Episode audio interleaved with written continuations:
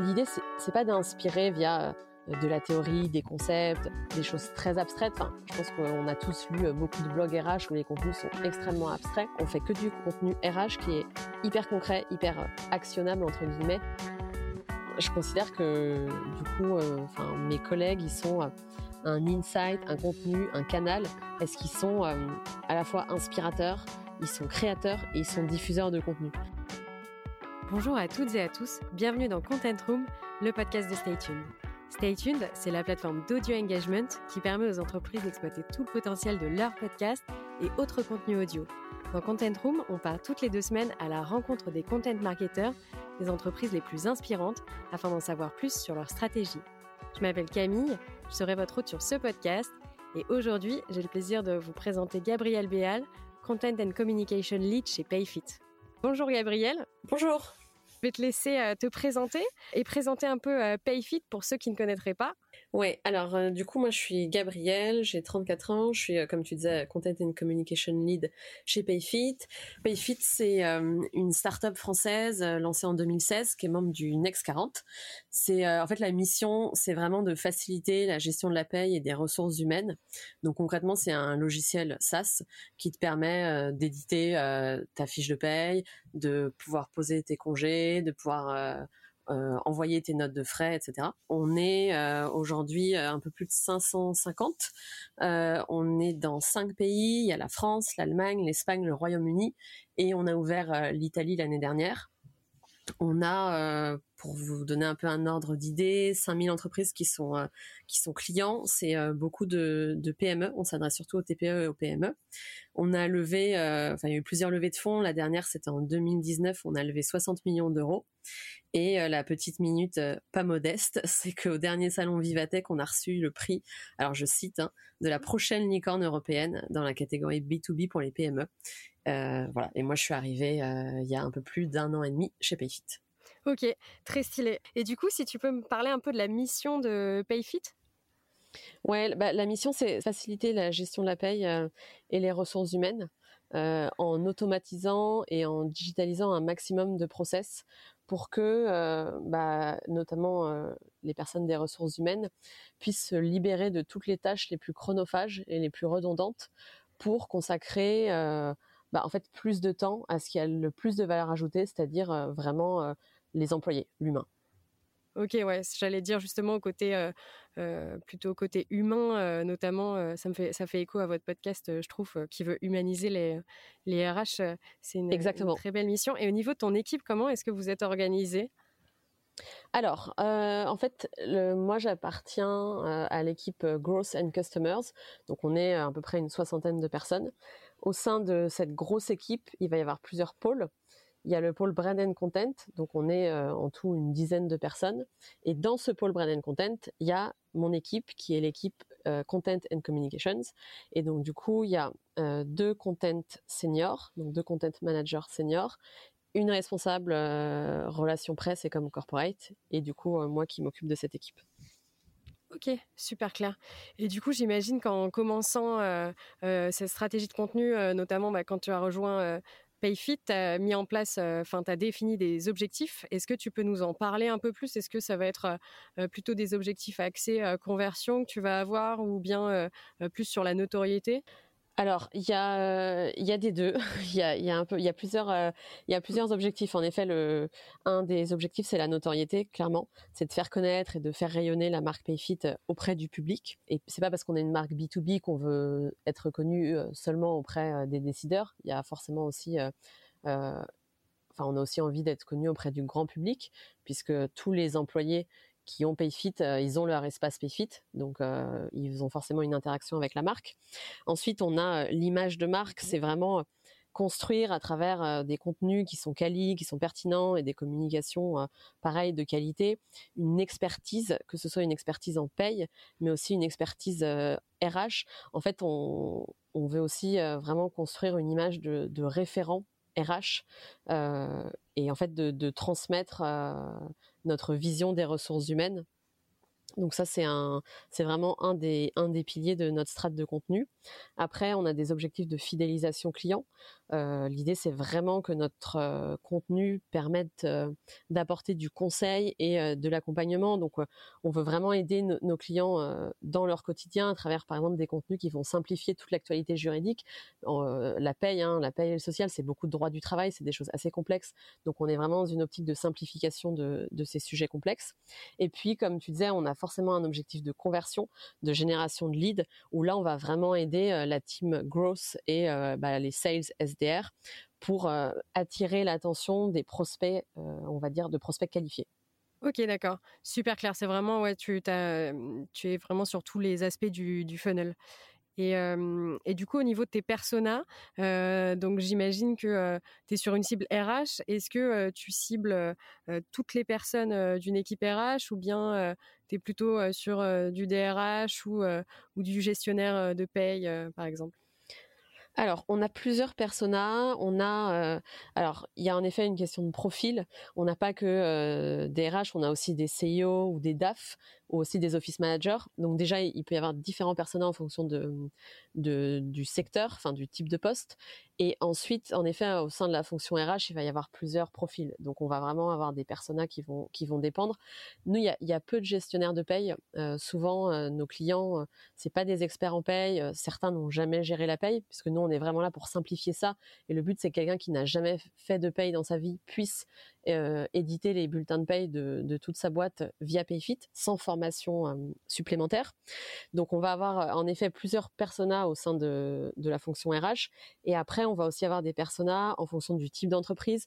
Donc, on va pas adresser de la même manière une startup tech qu'une PME qui est plus traditionnelle et qui forcément sera peut-être moins digitalisée. On va aussi avoir des personas en fonction de la taille d'entreprise.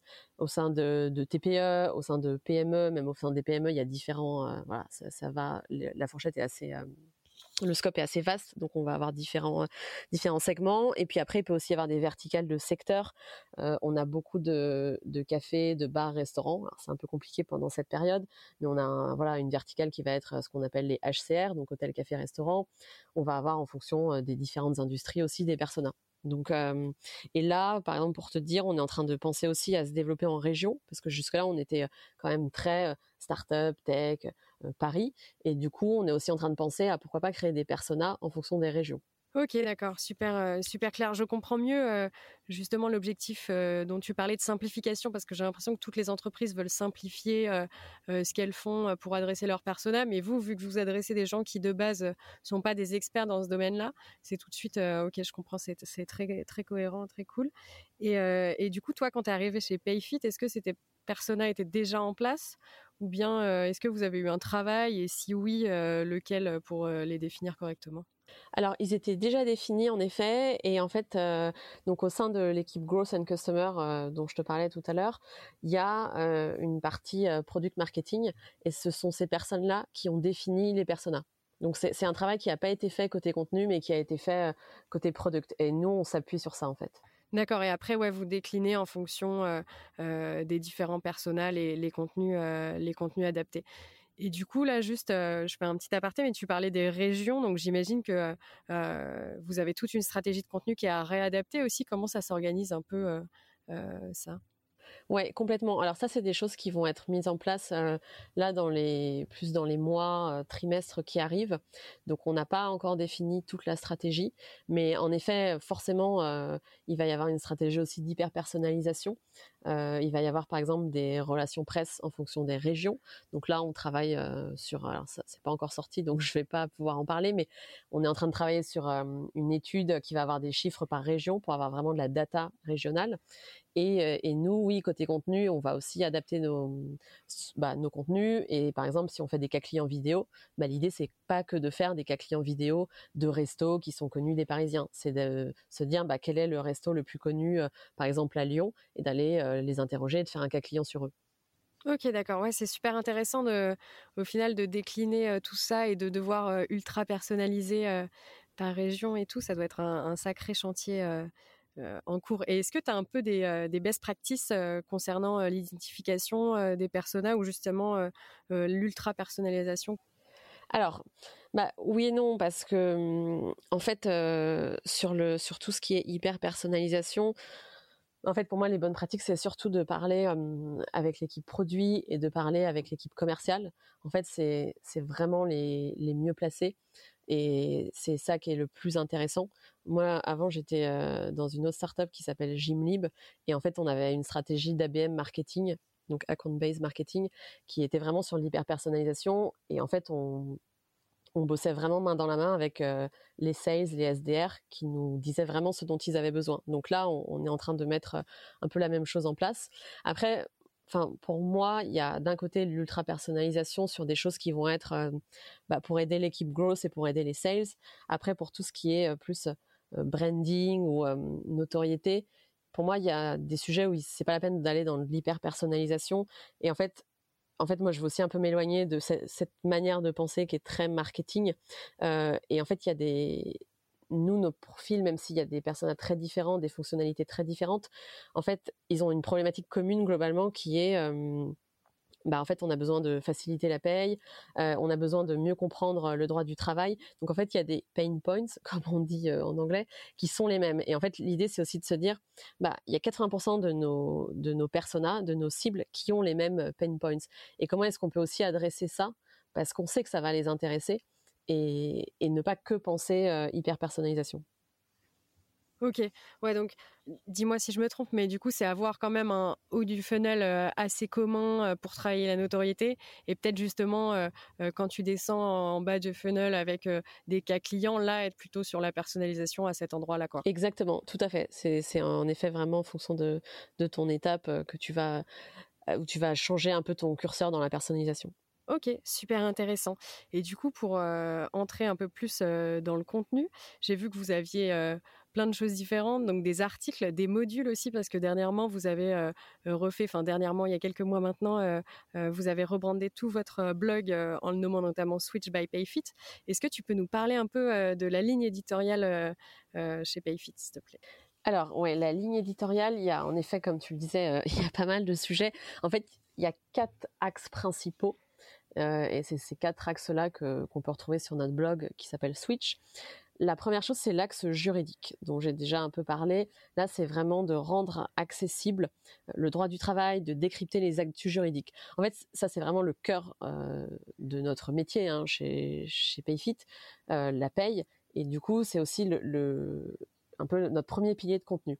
En fait, ce qu'on se dit, c'est que notre audience, enfin nos clients, ils ont choisi PayFit. Pourquoi? Pour simplifier la gestion de la paye. Comme je disais, souvent, ce ne sont pas des gestionnaires de paye, ils n'ont pas de formation en droit du travail, etc. Et en fait, cette simplification et cette pédagogie qu'on leur apporte euh, avec notre logiciel SaaS, en fait, l'idée, c'est qu'ils la retrouvent aussi dans notre ligne édito et qu'ils retrouvent cette simplification sur notre blog. Donc, on crée énormément de contenu avec notre équipe juridique pour se dire, bah, par exemple pendant le Covid, il y a eu énormément de, bah, de changements dans le droit du travail avec les absences, congés maladie, arrêt maladie liés au Covid, l'activité partielle, etc.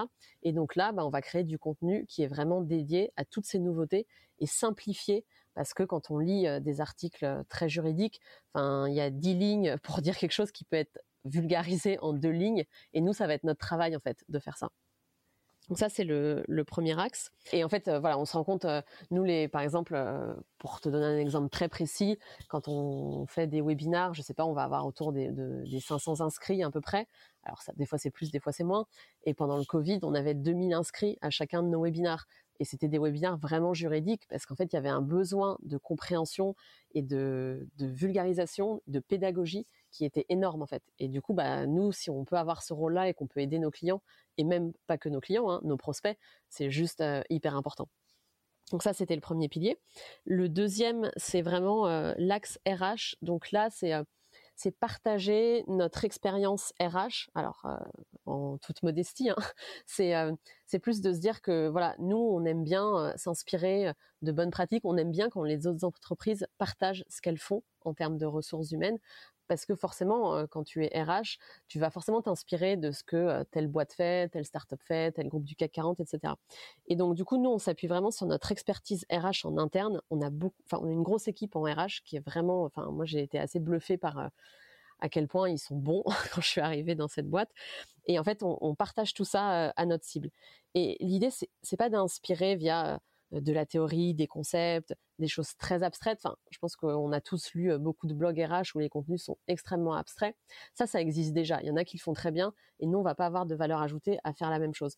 Donc, en fait, ce qu'on, veut faire, moi, ce que j'ai vraiment voulu instaurer quand je suis arrivée, c'est se dire, on fait que du, du contenu RH qui est hyper concret, hyper actionnable, entre guillemets, et à la fin de l'article ou de la formation, etc., quand les gens ont lu notre contenu, ils vont savoir euh, comment euh, instaurer euh, une politique de, flexibilité, dans leur entreprise. Ils auront des réponses à leurs questions.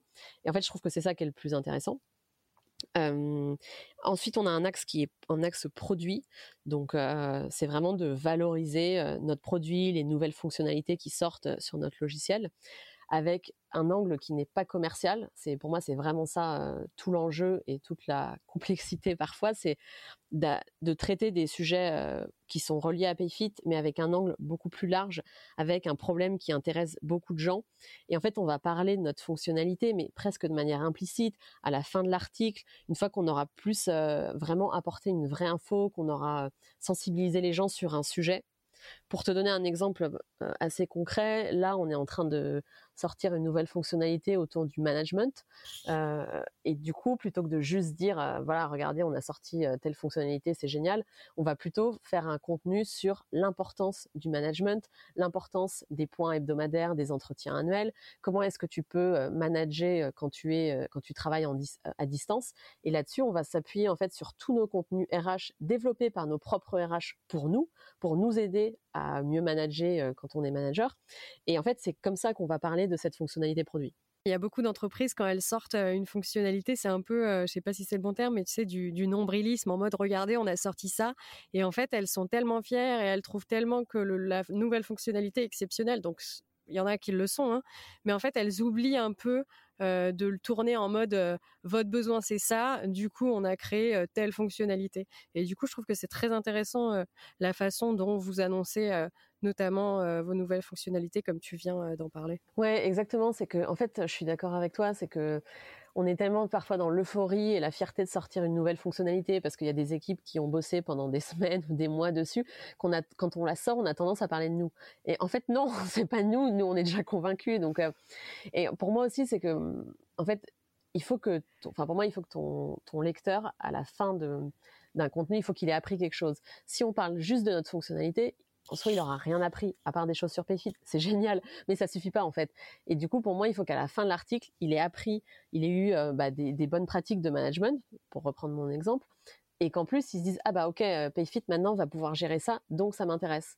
Et, je trouve que c'est, tu laisses plus de valeur ajoutée, tu laisses une trace qui est plus pérenne si tu fonctionnes comme ça. Ouais, je suis carrément d'accord euh, avec toi. Et ensuite, le dernier axe, bah, Payfit en tant qu'entreprise, en tant que start-up, et là, c'est de partager notre expérience euh, bah, d'entreprise. Euh, donc, on va parler euh, de sujets, bah, de sujets de start-up, de scale-up aussi.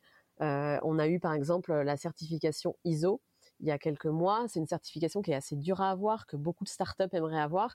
Et en fait, l'idée, c'est de dire, bah, nous, on va vous dire comment ça s'est passé, on va vous dire ce qui est compliqué, on va vous dire comment on s'y est pris pour vous donner des conseils parce que euh, voilà nous euh, une fois de plus on aime bien s'inspirer et, lire ce que euh, les autres fondateurs ont fait par exemple. Et on va aussi se dire on peut créer une certaine transparence et aider les autres boîtes à bah, par exemple à avoir cette certification ISO. Donc là c'est plus voilà partager tout ce qu'on fait donc ça va être des sujets assez corporate. Puis il y a une dimension marque employeur aussi parce que c'est des articles que les candidats vont pouvoir lire et ils vont comprendre bah voilà qu'on a cette certification ISO, pourquoi on s'est développé à l'international, quelles ont été nos réussites et nos échecs quand on a ouvert tel pays. C'est voilà, vraiment jouer sur qui on est, ce qu'on a réussi, ce qu'on a raté avec le plus de d'authenticité et d'humilité possible. OK, d'accord, super clair. Donc si je résume, donc il y a quatre points. un premier point où vous allez vouloir simplifier un deuxième euh, donner du contenu actionnable, en troisième euh, avoir euh, ce côté fonctionnalité et intérêt des nouvelles fonctionnalités, et un quatrième point un peu retour d'expérience. Exactement, c'est ça. Euh, et du coup, en préparant euh, cet épisode, tu m'as parlé justement notamment du deuxième point sur euh, les contenus actionnables. vous avez, c'est un truc que tu as pas, mal mis en place en arrivant justement chez Payfit. Et tu m'as parlé de, des playbooks, notamment que vous avez fait avec le concept de Work from Anywhere. Est-ce que tu peux nous expliquer un peu plus en, quoi ça consiste Ouais, tout à fait. Alors, en fait, quand je suis arrivée, donc Margot, qui est la directrice Bread and Content, avait vraiment la même vision que moi et c'est ça qui est hyper agréable, c'est quand on est aligné sur nos visions. Et, en fait, on se disait toutes les deux qu'il y avait une mine d'or qui était créée en termes de contenu au niveau des ressources humaines et qu'on on capitalisait pas assez dessus en fait. Et du coup, bah, moi, mon rôle, c'était aussi de, de, se dire bah, comment est-ce qu'on va pouvoir créer du contenu qui s'appuie sur tout ça? Et on a eu une opportunité euh, bah, qui était juste exceptionnelle quand euh, bah, pendant le Covid, euh, notre entreprise est passée au work from anywhere, c'est-à-dire que on peut travailler d'où on veut quand on veut. Donc il y a une flexibilité qui est vraiment euh, extrêmement importante aujourd'hui pour, euh, pour, pour, les gens qui travaillent chez Payfit. Et en fait, on s'est dit, là, on a reçu un nombre de communications de la part des RH. On a participé à des workshops en amont, on a répondu à des questionnaires. Après, ils nous ont partagé euh, un, une sorte d'e-book de 50 pages qui expliquait toutes les règles. On a eu des e-coffee. Enfin, c'est incroyable. Quand on en parlait euh, à nos amis autour de nous, tout le monde disait ah mais attends, je veux voir, ça ressemble à quoi, etc. Et on s'est dit ok, ça intéresse, il faut en faire quelque chose. Et plutôt que de faire un e-book classique euh, de 50 pages que les gens auraient plus ou moins lu, on s'est dit on va en faire une sorte de formation en ligne. Alors pas une vraie formation puisqu'on n'a pas ce titre-là et que c'est pas certifiant, mais donc on a fait une méthodo, une méthodologie en ligne qui reprend vraiment ces codes dans ton expérience utilisateur de, bah tout ce qui est e-learning aujourd'hui, où euh, tu vas suivre le module 1, le module 2, etc. Et à chaque module, tu vas avoir euh, des vidéos tutos qui sont vraiment, euh, enfin c'est vraiment une personne des RH chez nous qui parle. Tu vas avoir un résumé de ce que tu dois apprendre, tu vas avoir des ressources à télécharger, et ces ressources-là, c'est pas nous au contenu ou au marketing qui les avons créées, c'est les RH qui les ont créées et qui ont accepté en fait de les mettre un peu en open source entre guillemets. Et du coup, tu peux télécharger ton template de questionnaire, ton template de workshop pour le faire dans ton entreprise. Et tout ça, c'est vraiment la matière que nos RH ont créée. Et en fait, nous, là, au, contenu, on est, on crée, enfin, on, retravaille un petit peu la forme, le design, etc. Mais on n'a pas à aller inventer du contenu. Enfin, moi, je trouve ça toujours dommage, surtout quand on est une boîte RH, d'aller payer des freelances RH pour écrire du contenu théorique. Enfin, alors que je trouve que la meilleure matière, ce sont nos experts RH en interne. Et pourquoi je pense a aussi bien marché, c'est que, bah, en plus, on était dans une période où toutes les boîtes se disaient comment je vais instaurer plus de télétravail, mes employés veulent être, flexibles, comment je fais ça? Donc, il y avait forcément un besoin de la part des RH. ils se parlent aussi beaucoup entre eux, ils se partagent beaucoup de best practices, donc on est arrivé au bon moment pour ça. Mais je pense qu'il y avait vraiment ce côté, quand je suis la formation et quand je regarde un module, bah, à la fin, j'ai téléchargé tous mes modèles. et donc du coup, bah, j'ai plus qu'à changer deux trois mots et puis je vais envoyer le questionnaire à mon entreprise. Je vais pouvoir faire les workshops parce que j'ai déjà mes 30 slides qui sont prêtes. J'aurais juste à changer le logo et deux trois couleurs. Donc en fait, on, je pense que c'est vraiment ça en fait qui a fait que ça fonctionne quoi. C'est j'amène une info concrète et je peux m'en servir et et c'est rapide en fait. Ouais, bah, la valeur ajoutée est énorme. C'est vrai qu'il n'y a pas encore beaucoup ce type de contenu, je trouve, sur le web. Enfin, les entreprises, c'est vrai qu'elles font plus des, des trucs où elles vont prendre de la hauteur, décrire, un peu rester sur le pourquoi, tu vois, du tiens, bah, pourquoi tu devrais faire ça, mais elles sont moins avec des contenus sur le, comment tu le fais. Et je trouve que c'est intéressant quand tu arrives à expliquer, genre, bah voilà, comment tu le fais, et que tu arrives aussi à la fin à dire, bah tiens, prends ça, et c'est bon, en fait, on te l'a fait, tu as juste à l'adapter à ta situation. Et du coup, j'ai une question qui me vient, c'est au début, donc ça, c'était un peu nouveau chez Payfit, au début, quand vous l'avez proposé au RH et que vous leur avez demandé euh, euh, si, elle, si euh, elle était d'accord, comment, comment ils l'ont pris? Est-ce que ça a été un oui direct Ouais, je pense qu'une des chances, enfin, du coup, moi, ça va faire un an et demi que je suis là, mais je suis encore un peu nouvelle avec des étoiles dans les yeux. C'est que la chance incroyable qu'on a, c'est qu'on a une équipe RH et même les fondateurs, en fait, qui sont ils sont ultra partants pour ça et on n'a même pas eu besoin de les convaincre. moi, j'ai fait euh, des appels avec la DRH et avec euh, Firmin qui est euh, du coup un des fondateurs Et forcément, tu es un peu en stress, tu te dis, bon, il va falloir les convaincre. En plus, c'est de la communication. Les gens, parfois, se posent la question de est-ce que vraiment on peut faire ça? Et en fait, déjà, ils sont convaincus par l'importance du contenu et de la communication, ce qui est hyper agréable quand tu fais ce métier. Et pour eux, c'était. Et puis, ouais, et puis pour eux, c'était une évidence qu'il fallait le partager parce que parce que ils trouvent que si ça peut servir, c'est notre rôle. Et ils sont pas du tout dans une logique de ouais, mais ça, euh, on pourrait le monétiser. Mais si tu te rends compte, c'est une valeur énorme. Euh, on le partage comme ça. Euh. Non, non, au contraire, ils se disent bah en vrai, si ça peut servir, il faut que ça serve et tant mieux. Et en fait, ça fera si ça peut aider des entreprises et faire avancer la flexibilité, même au sens plus large. Enfin dans les entreprises, faisons-le. Et du coup, c'est ça qui est hyper agréable, c'est que tu n'as même pas à les convaincre. Ouais, c'est marrant parce que c'est vrai que vous auriez pu euh, le monétiser et du coup, c'est pas un choix euh, que vous avez fait. Euh, du coup, pourquoi est-ce que vous avez plutôt choisi de le faire justement en gratuit, tu vois? Ouais, alors déjà, c'est que faire payer, en fait, c'est on trouvait que c'était un manque de modestie.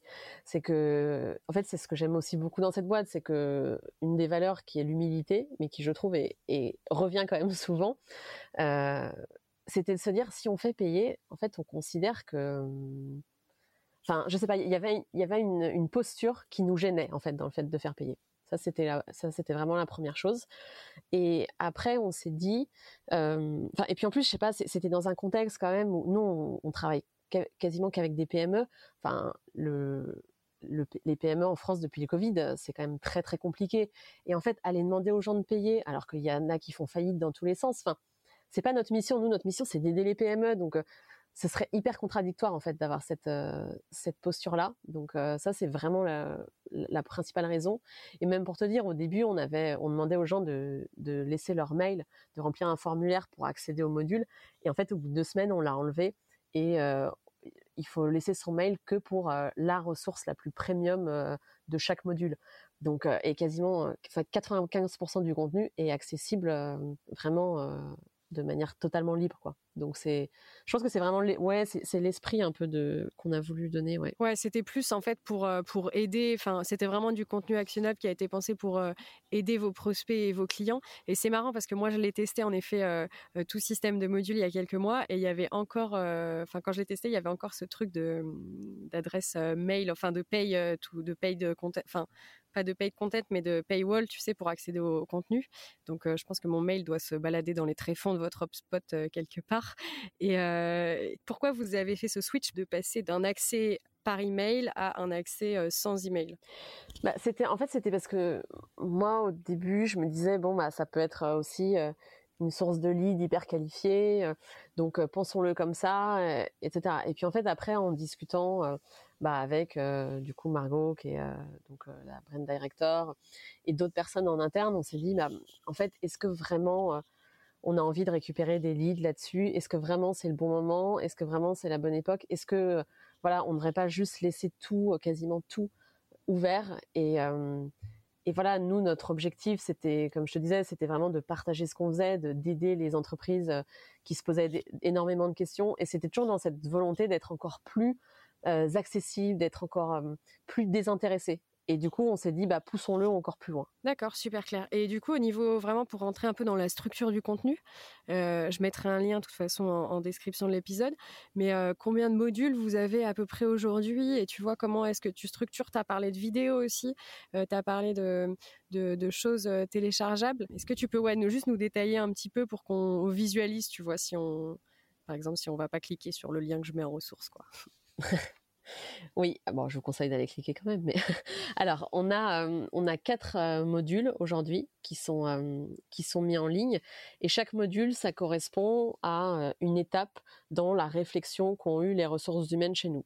Donc là, le premier module c'est pour comprendre et analyser les besoins de ses salariés. Après, c'est pour cadrer la mise en place de la nouvelle organisation. Ensuite, c'est structurer et développer la démarche. Et après, c'est préparer l'annonce en interne. Donc, en fait, c'est vraiment, euh, on a vraiment suivi chronologiquement le travail qu'ont mené euh, nos DRH et nos fondateurs euh, ensemble. Et ensuite, quand on va, donc il faut vraiment le suivre dans l'ordre chronologique. Et ensuite, quand on va sur un module, ouais, c'est ce que tu disais, c'est qu'il va y avoir un mix entre des vidéos tuto, des partages de bonnes pratiques, des partages de, documents qu'on a fait en interne, de templates à personnaliser, de benchmarks, tous les benchmarks par exemple que notre équipe RH a fait pendant cette période-là, on les a partagés, des cartographies d'outils, de, voilà, quelles sont les entreprises qui sont passées au full télétravail, un jour par semaine, etc. Enfin, tout, on a tout mis quoi. enfin pas tout parce qu'il y avait trop de choses, mais on a mis beaucoup de choses. J'imagine parce que de là à mettre ouais tous les benchmarks et tout, c'est assez, enfin c'est c'est assez précis quoi, c'est assez ouf quand même. Je trouve c'est intéressant quoi, parce que la personne elle a vraiment tout, enfin du benchmark au truc actionnable à la fin quoi. Donc c'est très très cool. Et au niveau des outils que vous utilisez pour, pour ces modules, c'est quels sont les outils exactement? Alors c'est vraiment très simple, hein, les vidéos, c'est Loom parce que ça permet en fait d'avoir notre RH qu'on voit en petit en bas, tout en partageant un document parce qu'elle explique à chaque fois les documents qu'elle a produits. et après on a mis des pages Notion en ouvert parce qu'on crée pas mal nous, on crée énormément de contenu sur Notion en interne et donc du coup on a partagé des bah, des documents des RH qui ont été faits sur Notion. Euh, donc euh, voilà, après il va y avoir euh, des présentations, par exemple les workshops, c'est fait sur Google Slides parce que les RH les avaient fait là-dessus. Les RH ont fait aussi des, des tableaux sur Google Sheet, donc on partage le Google Sheet. Enfin voilà, il y a, c'est assez varié. Ouais, ok, c'est vraiment, ouais, enfin c'est les outils en plus qu'utilisent les RH en interne, quoi. Exactement. Très cool. Et est-ce que tu as des résultats un peu sur ce concept de contenu actionnable aujourd'hui ou pas? Oui, oui, on a, on a traqué bah, tout ce qui était nombre de vues au sein des différentes pages, le nombre de vidéos regardées, etc. donc après, on avait au début le nombre de téléchargements, mais qui finalement euh, n'est plus un KPI, comme on dit, qu'on check, puisque euh, entre temps, on a décidé de un peu de, l'enlever, donc il a plus trop de sens. Mais pour te dire, par exemple, euh, les pages des modules, elles sont très vite montées dans le top 10 de nos articles blog. Donc, sachant que le blog alors on l'a migré, mais il existe depuis pas mal d'années. Et du coup, le top 5, souvent, c'est des articles qui ont été créés il y a longtemps, qui remontent très bien en termes de SEO. Et là, il y a directement trois des pages des modules qui sont placés dans le top 10. Donc pour nous, c'est juste hyper cool. Le top 10, c'est le en termes enfin, quand tu parles de top 10, c'est de consultation? En termes de vue. Ok, c'est pas forcément le top 10 de tes pages qui rank. Enfin, je, pense que c'est lié aussi au rank Google. Euh, là, là, là, je te parle euh, vraiment du nombre de vues. Justement, ce qui est bien là-dessus, c'est que souvent, euh, bah, les trois premiers, c'est des articles qui marchent très bien en fonction du, enfin, en termes de SEO et qui souvent ont été créés pour le SEO.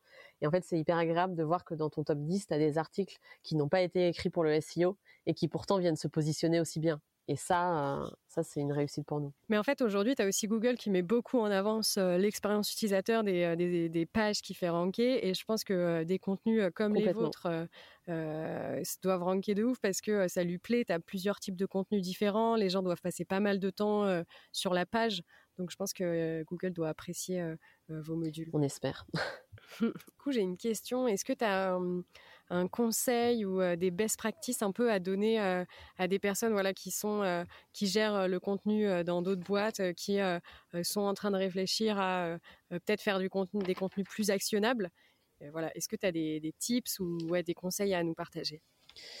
Oui, bah alors, enfin, c'est une fois de plus, hein, ça n'engage que moi. C'est mon, c'est mon expérience que j'ai pu voir bah, chez Payfit euh, ou, dans mon expérience précédente. Mais pour moi, vraiment, le, numéro un, c'est le pouvoir de l'interne. Enfin, en fait, je considère que du coup, euh, enfin, mes collègues, ils sont un insight, un contenu, un canal, parce qu'ils sont à la fois inspirateurs, ils sont créateurs et ils sont diffuseurs de contenu. Pourquoi ils sont inspirateurs? C'est que, en fait, c'est eux qui vont nous parler des tendances, des sujets chauds, etc., et qui vont nous donner des idées de contenu. Donc par exemple, euh, nous dans le juridique, en fait, quand euh, je parle avec euh, bah, nos experts juristes, en fait, ils vont me dire ah non mais il y a un sujet qui est hyper important, c'est celui-là. là, l'activité partielle, les gens ils comprennent rien. il faut que vous écriviez un contenu là-dessus. Donc ça, ça va nous donner énormément de d'idées en fait.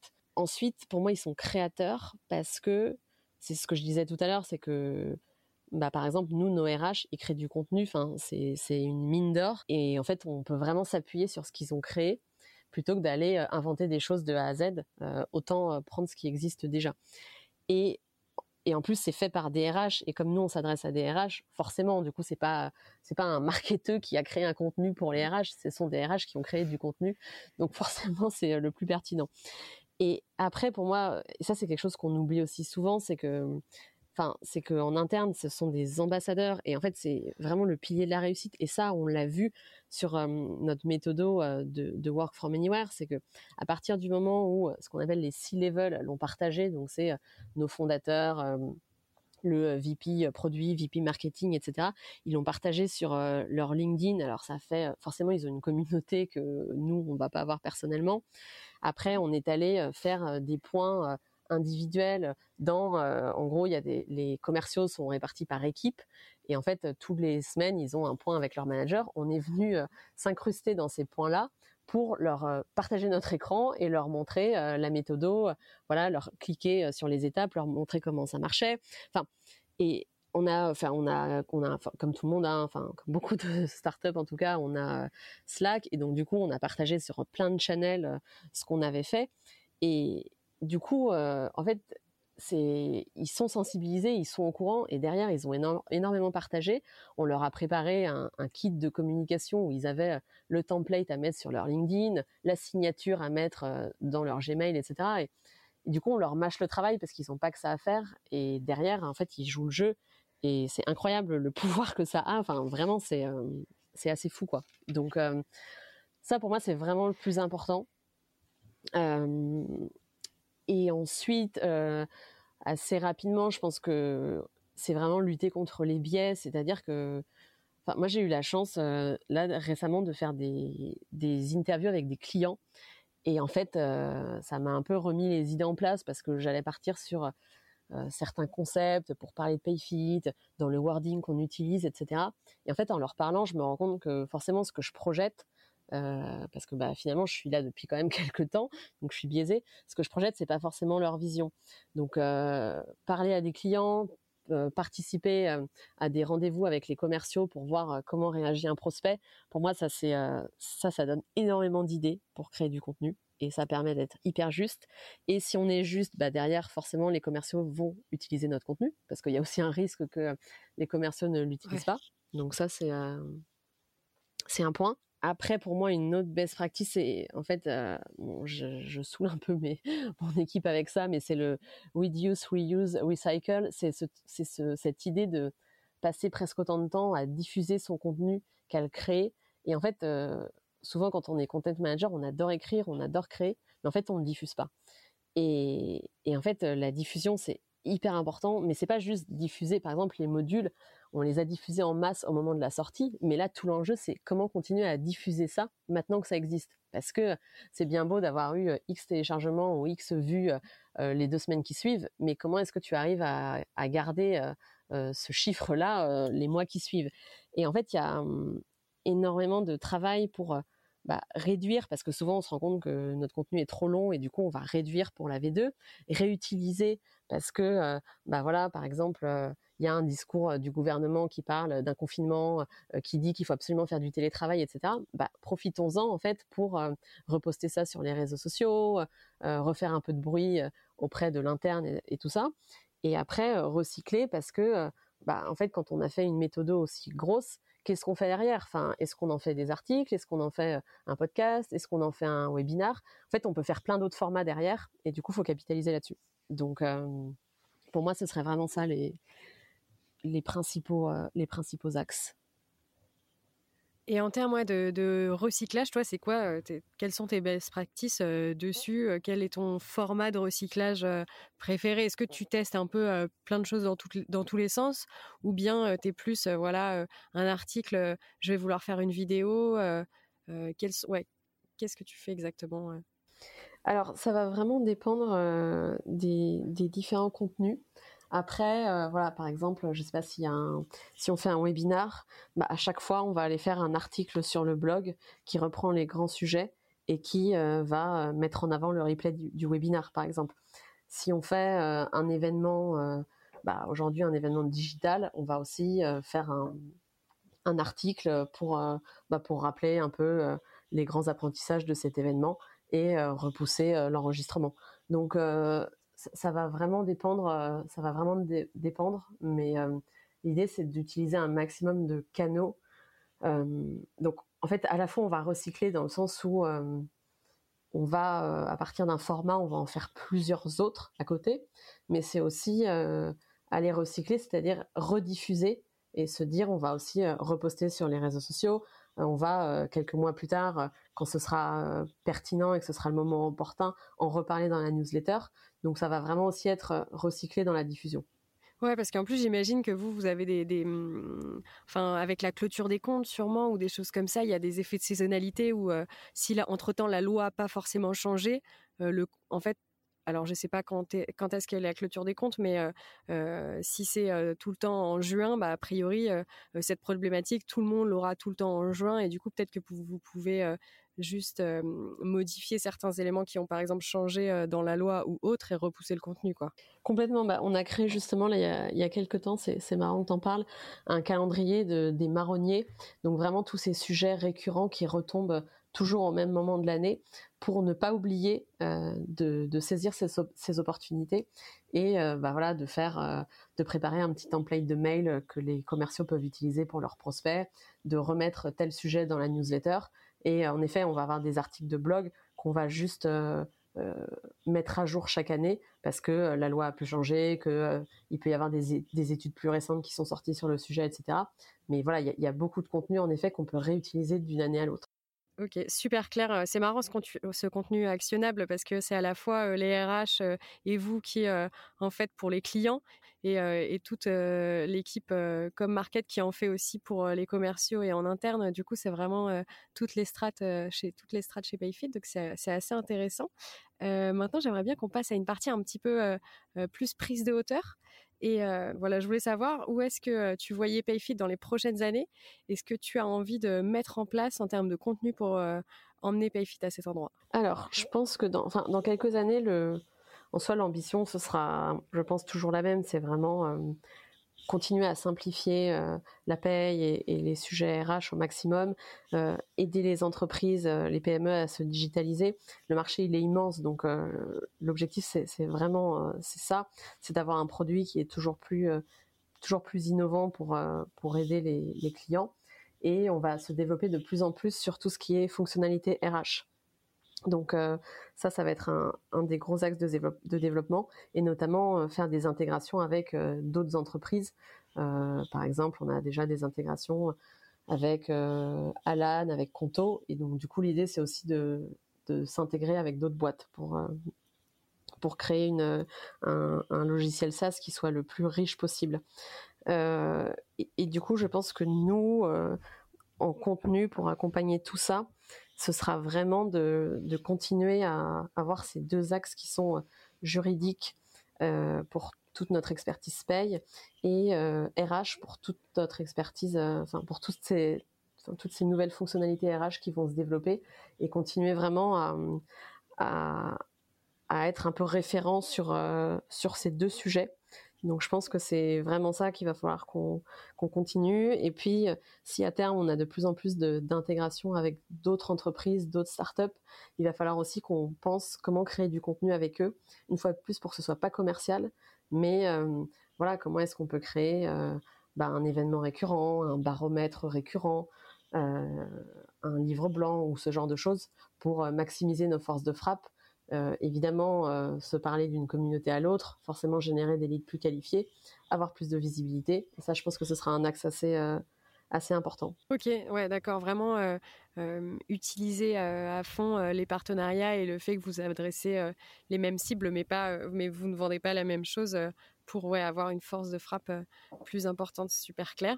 Et j'ai une deuxième question. quelles sont tes inspirations? Alors, est-ce que ça va être voilà d'autres entreprises parce que tu trouves qu'elles font euh, les choses vraiment euh, parfaitement ou elles font des choses très inspirantes, ou bien, je sais pas, des, des, mm, des, des livres ou, ou toute autre chose. voilà. Enfin bref, qu'est-ce qui t'inspire du coup?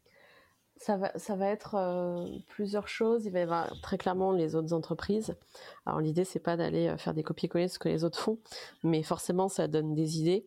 Euh, je pense que, enfin, ce qui est intéressant c'est pas juste regarder les startups, c'est d'aller regarder bah aussi les, les, plus grosses boîtes assez innovantes, notamment aux États-Unis. Ça va être aussi regarder ce que fait le CAC 40, enfin et les très grosses boîtes. On a tendance à toujours un peu penser que les startups vont être plus innovantes, etc. Et franchement, quand on regarde ce que font certaines très grosses boîtes, elles ont rien à envier des startups. Donc, euh, je pense qu'il faut pas avoir de hier là-dessus. Et après, oui, il y a des classiques. Euh... Tu as des noms en tête ou pas euh?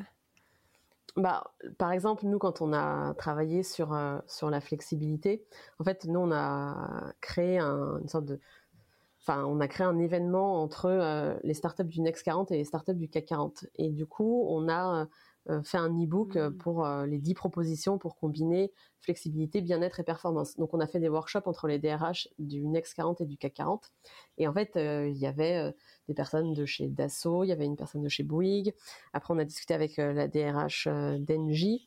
Et et en fait, euh, bah, ce qu'ils nous racontent, c'est aussi que voilà, eux aussi ils mettent de la flexibilité euh, en place, ils testent des choses, ils osent, et, euh, et du coup, voilà, ça, peut être une inspiration aussi sur. c'est pas que l'inspiration de contenu en fait. Moi, ça va aussi être quelles sont les entreprises inspirantes, parce que ça, ça va être telle entreprise que je vais avoir envie d'interroger. Donc, il y a aussi il y, a aussi cette partie-là pour moi dans l'inspiration. Et puis après, oui, il y a les pour tout ce qui est euh, communication, euh, content, il y a les tout ce qui est newsletter. Euh, enfin voilà, il y en a beaucoup aujourd'hui. Donc ok, ça marche très clair. Et la dernière question de cet épisode, quel contenu tu rêverais de créer si ton ou ta boss demain venait te voir en mode OK, Gabriel, budget illimité? Alors, si on avait un budget illimité, oui, je pense qu'on aurait envie de faire plein plein de choses.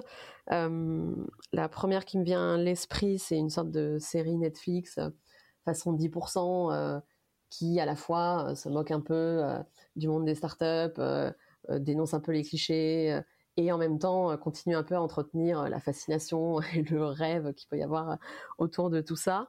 ça, je trouverais que ça pourrait être très très cool et surtout si tu prends le même principe que 10% et qu'à chaque fois tu fais venir, euh, bah, je sais pas, un start ou un ancien start hyper connu, ça peut être très drôle, qui a autant d'autodérision que les acteurs euh, dans 10%, ça pourrait être sympa. Euh, après, il y a un... Enfin, c'est marrant parce que du coup, Margot et moi, on a cette...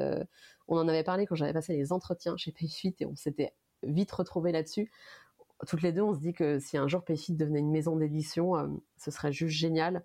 Euh, à la fois euh, produire des magazines papier un peu inspirationnels et à côté de, développer toute une série de un peu de, petits livres produits, un peu comme bah, les, éditions juridiques qui vont faire des petits livres pour expliquer un peu le droit du travail, etc.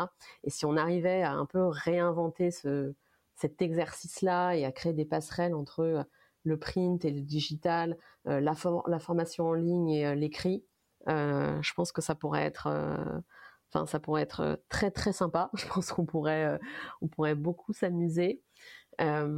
Et après il y a un truc, mais ça, ça, c'est soit la réussite, soit le, soit l'échec total. ce qui, ce qui pourrait me faire plutôt, plutôt rire une fois, c'est de faire une sorte de un peu de prendre, tu les humoristes euh, stand-up euh, du moment et en fait de leur donner un peu des sujets et leur dire, euh, tu vois, par exemple, typiquement, nous, on va ouvrir nos nouveaux bureaux là dans quelques semaines et on va fêter nos cinq ans. Et bah, se dire, on fait une soirée d'inauguration et en fait, on, invite des start enfin des start des, des gens qui font du stand-up et ils viennent en fait, tu vois, expliquer un peu de manière très drôle tous les problèmes que rencontrent euh, les DRH euh, au quotidien. Donc, euh, les gens qui vont tout le temps demander une augmentation, quand tu reçois des lettres de démission, des machins, tu sais jamais si la personne elle te parle parce que tu es RH ou parce que vraiment elle t'apprécie. Et tu vois, d'arriver à trouver un peu tout ce qui est tout ce qui est un peu marrant dans le quotidien d'un DRH. et d'avoir tous les DRH qui sont dans la salle et des, personnes qui font du stand-up qui viennent parler de ça, je pense que ça, ça pourrait être assez marrant parce que en fait, pour moi, tu apprécies aussi une marque et quand tu sens qu'elle te comprend, quand tu sens qu'elle a euh, de l'empathie, qu'elle comprend tes problèmes et, je pense que c'est le meilleur moyen de créer une complicité en fait avec ton public, c'est de comprendre comment elle pense et d'avoir de l'empathie pour elle. Et je trouve que faire ça par le biais de l'humour, ça pourrait être drôle. Alors après, il faut que faut trouver des personnes très drôles pour pas que ce soit un flop. c'est pour ça que je disais que c'était qui tout double. Mais bon, pourquoi pas? Écoute, euh, si on avait euh, budget illimité pour se payer les meilleures stars, les meilleurs humoristes. Franchement, c'est euh, j'adore. les trois concepts sont intéressants et le dernier, je le trouve très très cool. C'est la première fois, tu vois, qu'on me dit ça. À chaque fois, je pose cette question. Et en plus, moi, je me souviens qu'on m'a toujours dit que le, le plus créatif en fait quand tu as des limites. Quand on va te dire fais ce que tu veux, c'est plus dur de se dire alors tiens ouais alors qu'est-ce que je peux faire machin. Tu te perds un peu.